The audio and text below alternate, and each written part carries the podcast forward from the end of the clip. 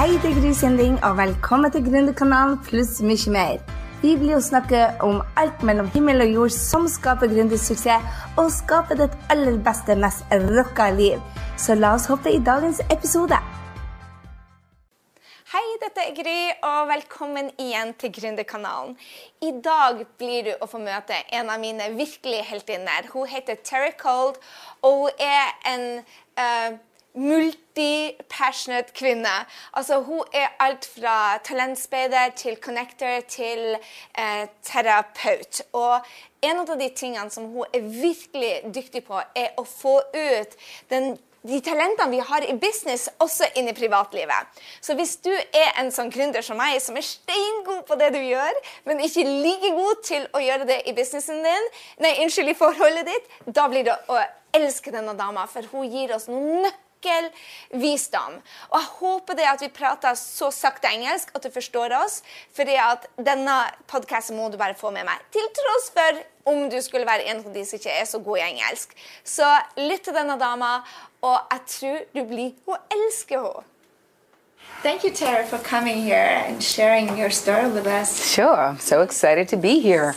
So, you started in a different uh, kind of um, what do you call it uh, job yeah. than you are in now. Yep.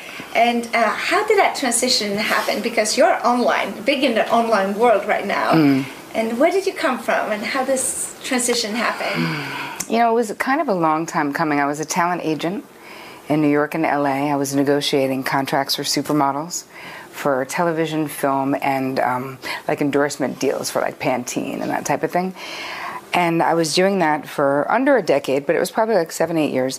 And I knew, like, I kept thinking that if I became more successful, that I would get the feeling I was seeking. So I was super ambitious. By the time I was in my early 30s, I was running a talent agency that was bi-coastal. Like, you know, I had no balance. Obviously, I was living on, you know, nicotine, caffeine, and adrenaline. That was pretty much it. But I kept, I was literally seeking something. And I thought if I was the boss, then I would get the feeling. And if I were making a certain amount of money or if I had super famous clients. And then all those things happened. And lo and behold, the feeling I was seeking was not there. And so I knew for probably at least two years that I was like, this cannot be what I'm meant to do in the world. There has to be something more, something more aligned with who I am. Because I also had a lot of problems about the industry right? So it's all of this.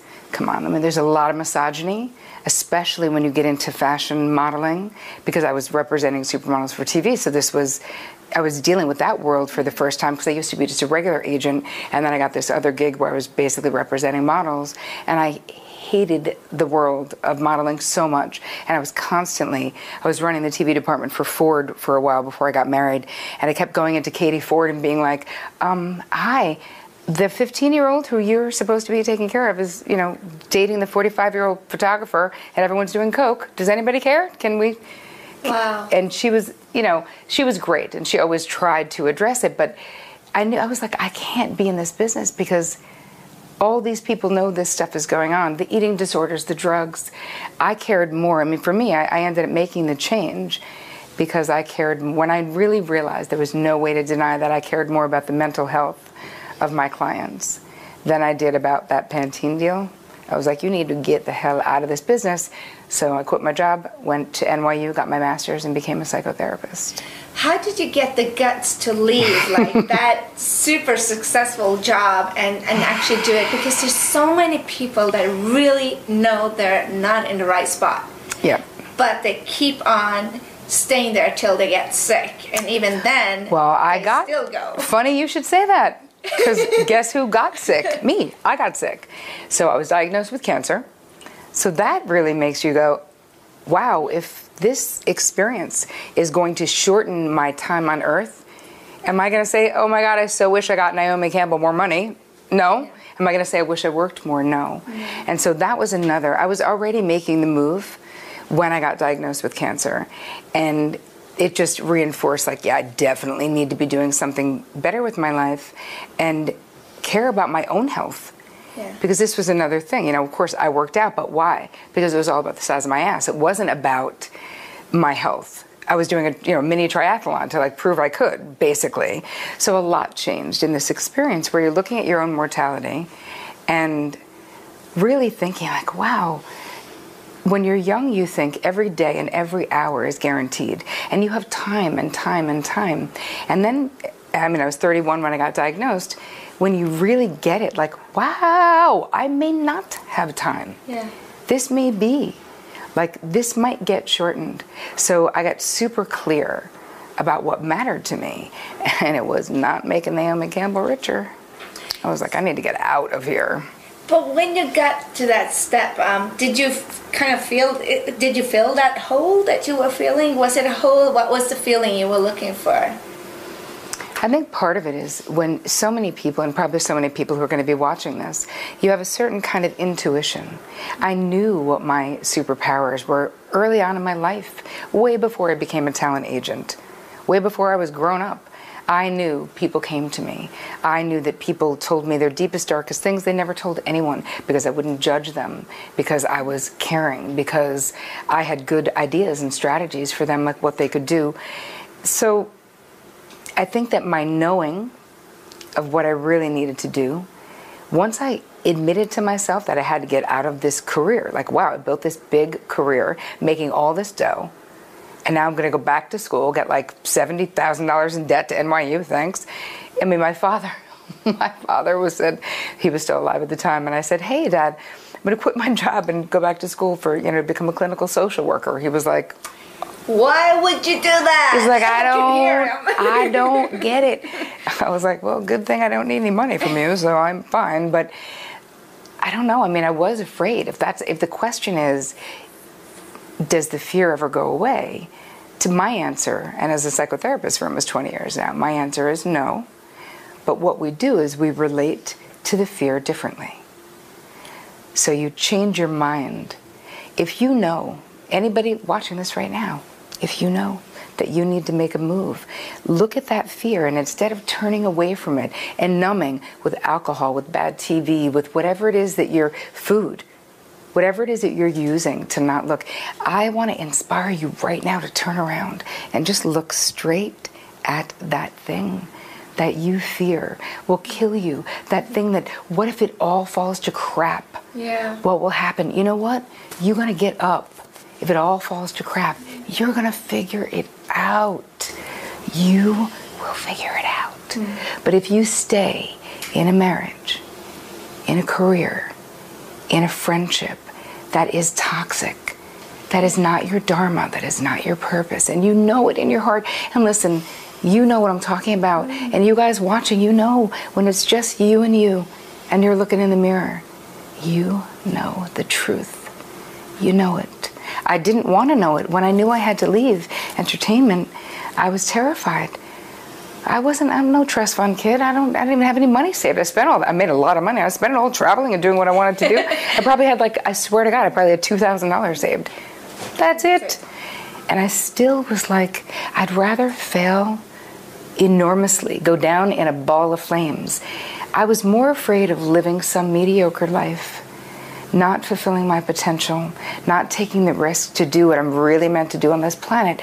After being diagnosed with cancer, the idea of not doing what I really know I'm supposed to do, and every one of us knows that there's something that is only your dharma, only your experiences that all come together. It makes this perfect storm of what it is that you're meant to do.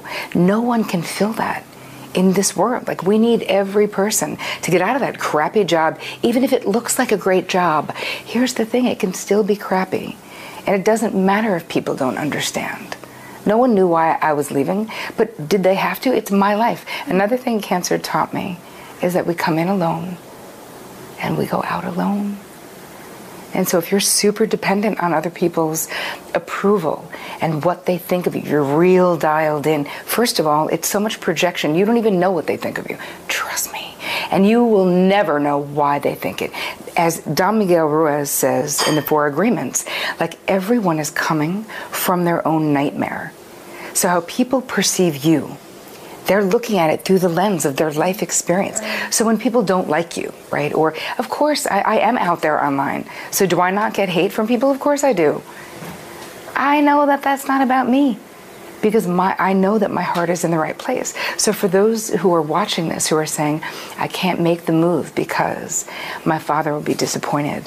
How can I leave? How can I explain to people why I'm leaving this great job as a lawyer to become to do whatever it is their heart's mm-hmm. desire is?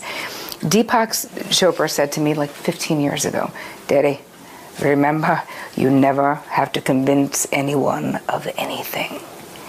And in that moment, it was like I was liberated. Like people are not going to get what you do, and really, who gives a crap? Do you get what you do? Mm-hmm. And what does this require? This requires you to not be a victim. This requires you to be willing to take responsibility for your life. It is not about your crappy best friend, your jerky boss, your bad husband. It's about you. If those situations don't suit you, Look at why you're staying. Why is it familiar? Why do you think that love has to be painful? Because of some unresolved crap from your childhood. That's it. It all goes back.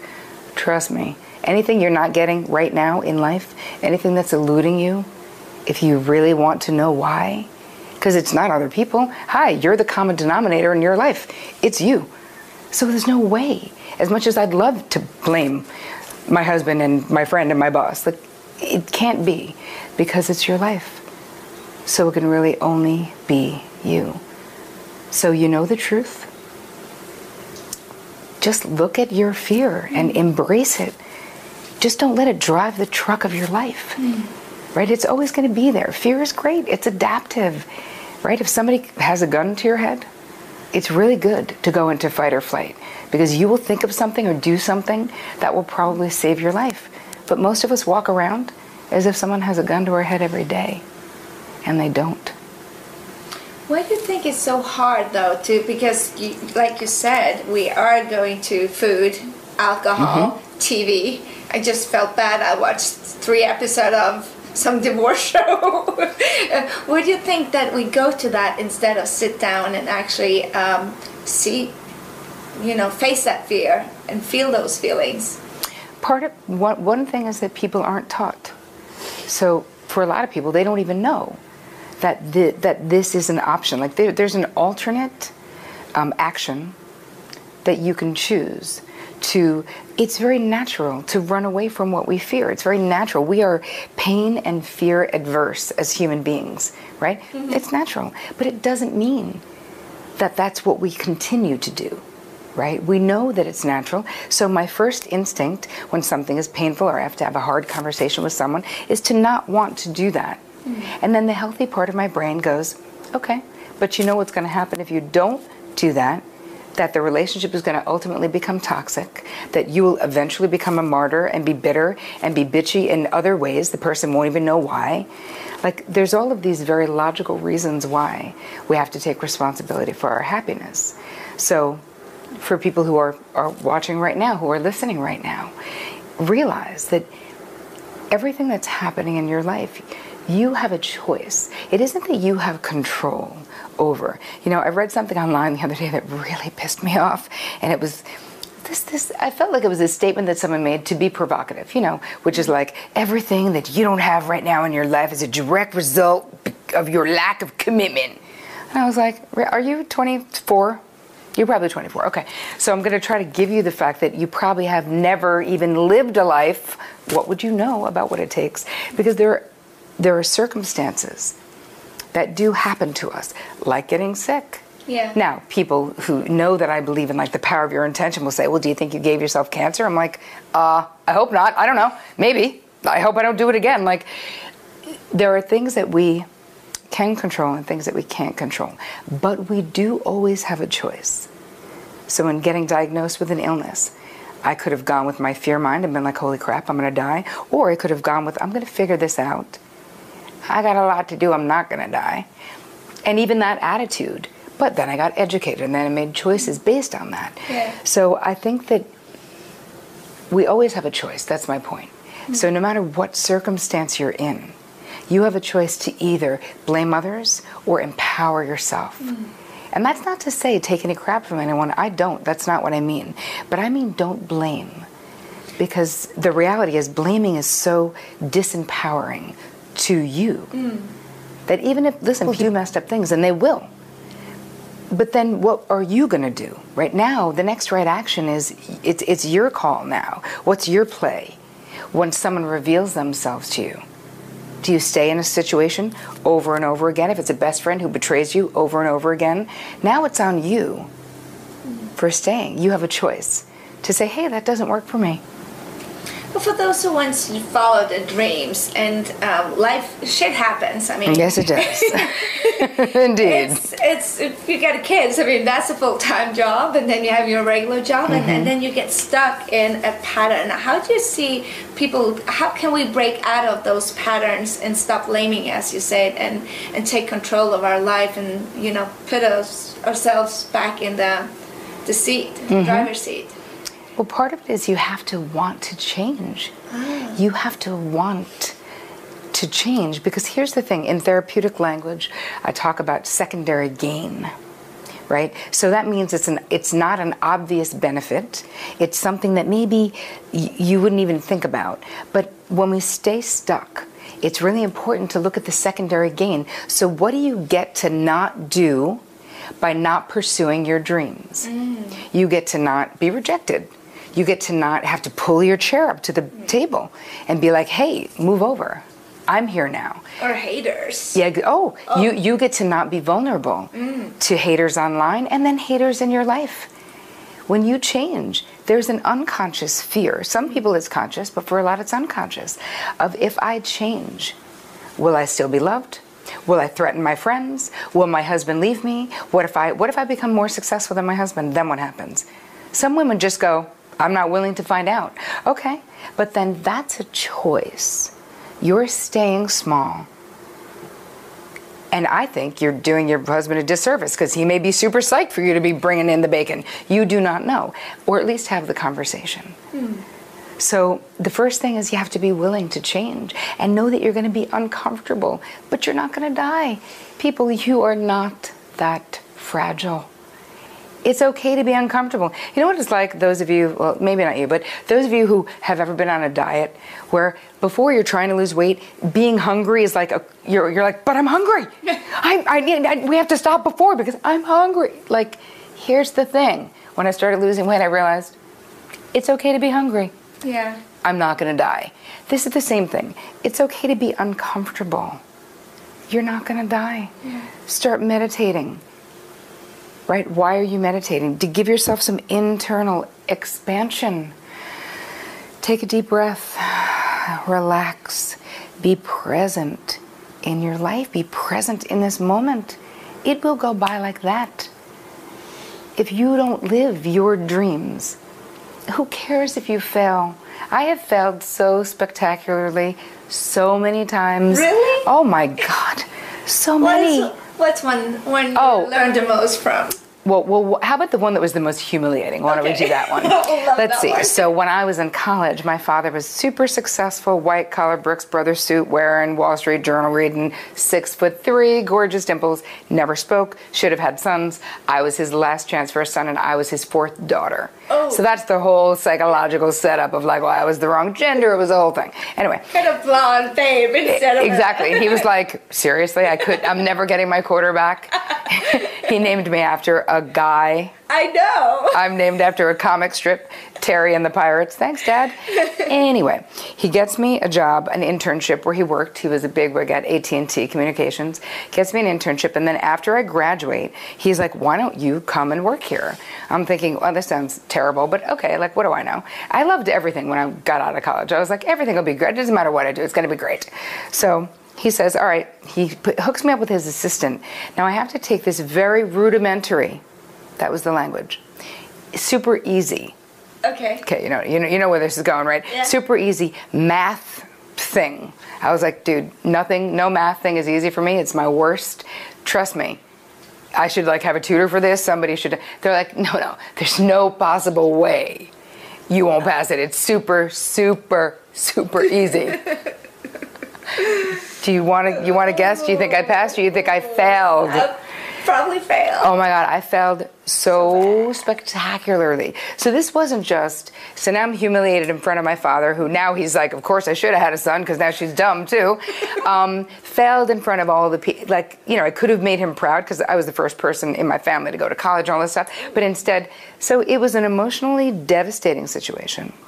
And yet, of course, those of you who now have seen my career, you realize if I had started in corporate America, would I have ever gotten into entertainment and had that awesome, almost 10 year career? No. Would I have ever be, be doing what I'm doing right now? No. So, what my whole point about failure is you're not that fragile. And all these women who have the perfectionist syndrome and the disease to please, right? Mm-hmm. There's, that's like this yeah, great. I love that. Disease to please. Yes. like it doesn't please you. Mm. And it's actually a, a therapist years ago. Um, she is now deceased. Her name is Harriet Braiker, who coined the phrase disease to please and who wrote a book about curing the people pleasing syndrome. So I do a lot of talking and lecturing and writing basically based on her work. Because in my practice, my demographic is super successful women who still have the disease to please in their personal lives. Isn't that funny how we go about that? Why do you think that is?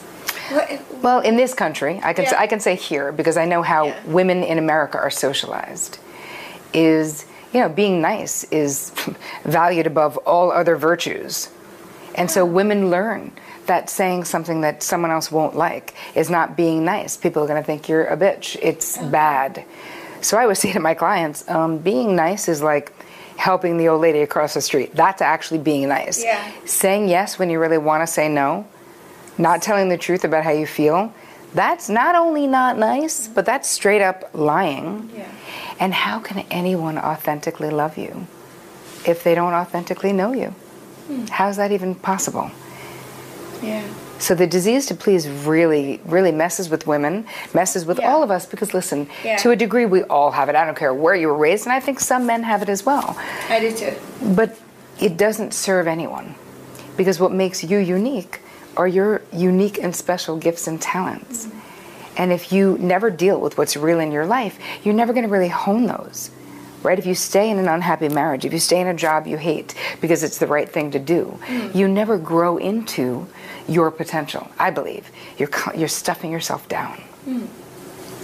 You are amazing with the relationship. You inspire me online. I stalk you on Instagram and Facebook, and your relationship is just amazing. And um, do, am I right when I say that that is one of the reasons you're so successful? I believe that being successful personally for me, partly because I never thought it would happen. It wasn't easy. My parents were divorced when I was 13. I was married to my job for many years. I didn't get married till I was 35. Like, there are all of these things that every time a boyfriend was like, we should move in together, I was like, we should break up or we should get engaged. I think we should break up. Like, there was no, I would always get to a certain point and I was like, oh no, why wreck it? Who wants to get married? Everybody gets divorced, was my take on it.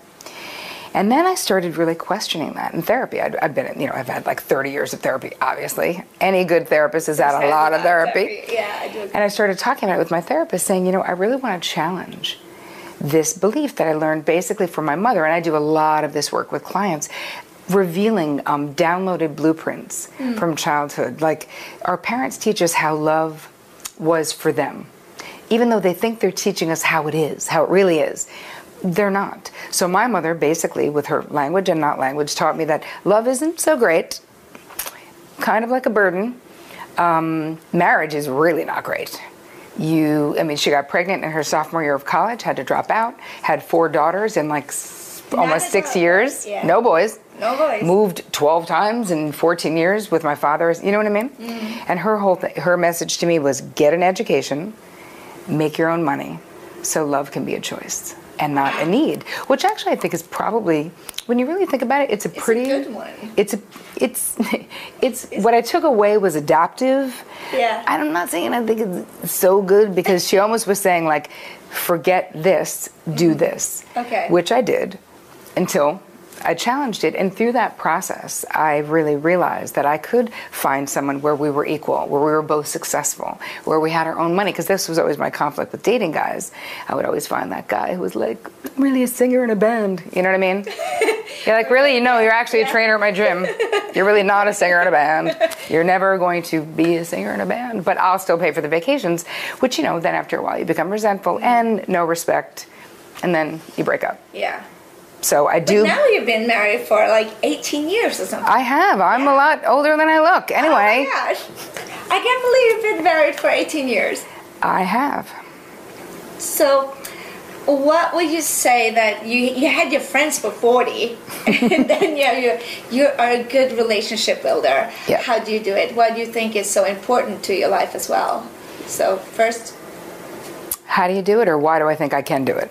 I don't know which one you want to answer. Well, I think that, you know, listen, this is also a therapeutic question. Like, were you securely attached in childhood to your mother or to your father? And so, regardless of what was going on between my parents, I was super securely attached. I had a, my mother was, she was like, you are amazing. From the from my littlest memories, my mother being like, wait, you want you don't want to do that? You like that? You don't caring what I think, caring what I want. And so I grew up really believing that I had something to say and that from my earliest experience, someone was listening. Do you know? Yeah. So I believe that that ability to have many deep and meaningful relationships for me came from feeling very loved having this abundance of love even though i had a complicated relationship with my dad this maternal experience made me think there was so much love in the world mm. that i could give it away freely to friends and coworkers and mentor people and because there was ne- i never came from a scarcity mindset.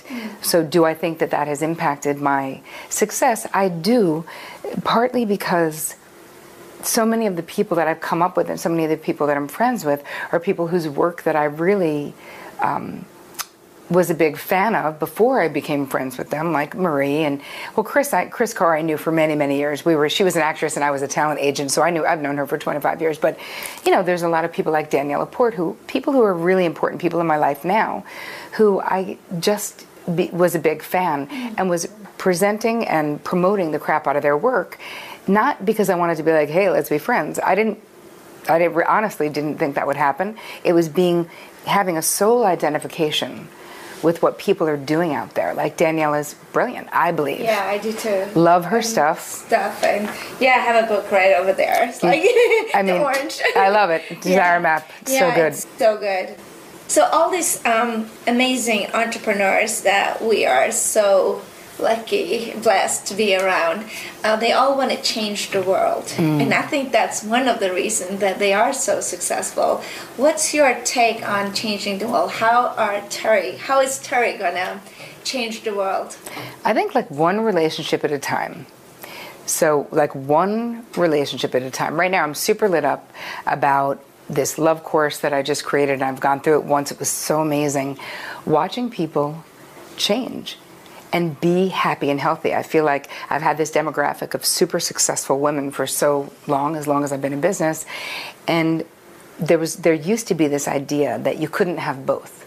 That if you had a successful career, it was probably going to be at the expense of your relationship, and that is not true.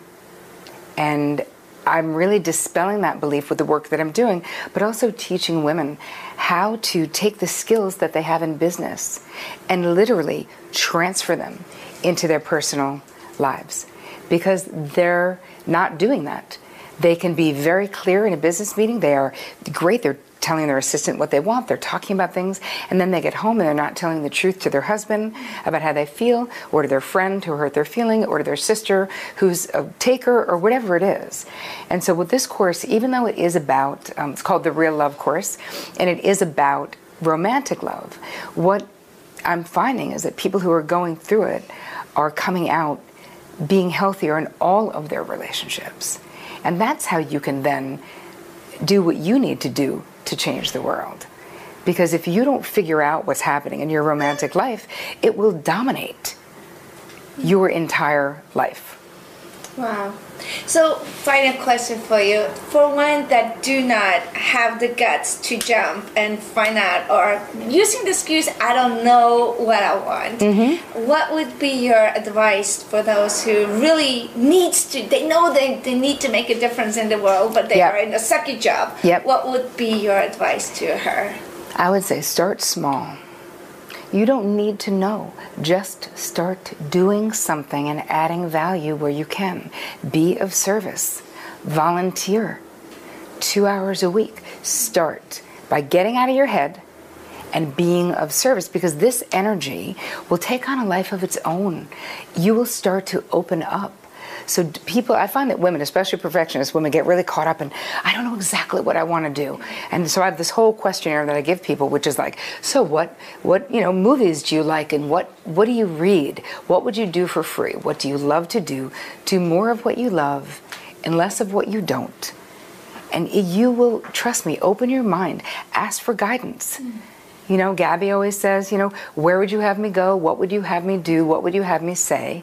And to whom from A Course in Miracles? Mm-hmm. And then be open to receiving that guidance. And you have to be present to see it when it comes. Because you all have something unique that we need. We need you. So get out of your crappy job. Do something. Help us. Thank you so much, Terri. You're amazing. You're so welcome. It was great to be here. Det var Terry Cole.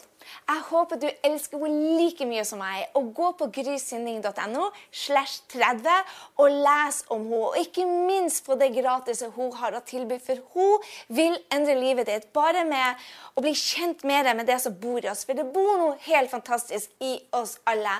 Og så handler det bare om å tørre å føle på det, og tørre å ta action på det, og håndtere det som kommer mot oss, på en ordentlig måte. Jeg elsker denne dama, og det håper jeg du også gjør. Grysynding.no slash 30, og så finner du mer ut om hun Terry.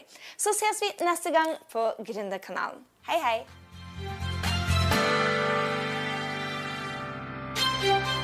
Jeg håper du ble superinspirert til å ta nye action etter denne episoden av Gründerkanalen pluss mye mer. Gå nå til grysynding.no og legg igjen en kommentar på denne episoden om hva du tar med deg. Jeg vil gjerne høre fra deg og få mer gründertrening på skapdindrømmejobb.no. Glem heller ikke å abonnere, sånn at vi treffes neste gang på Gründerkanalen pluss mye mer. Ha en fantastisk dag, så høres vi.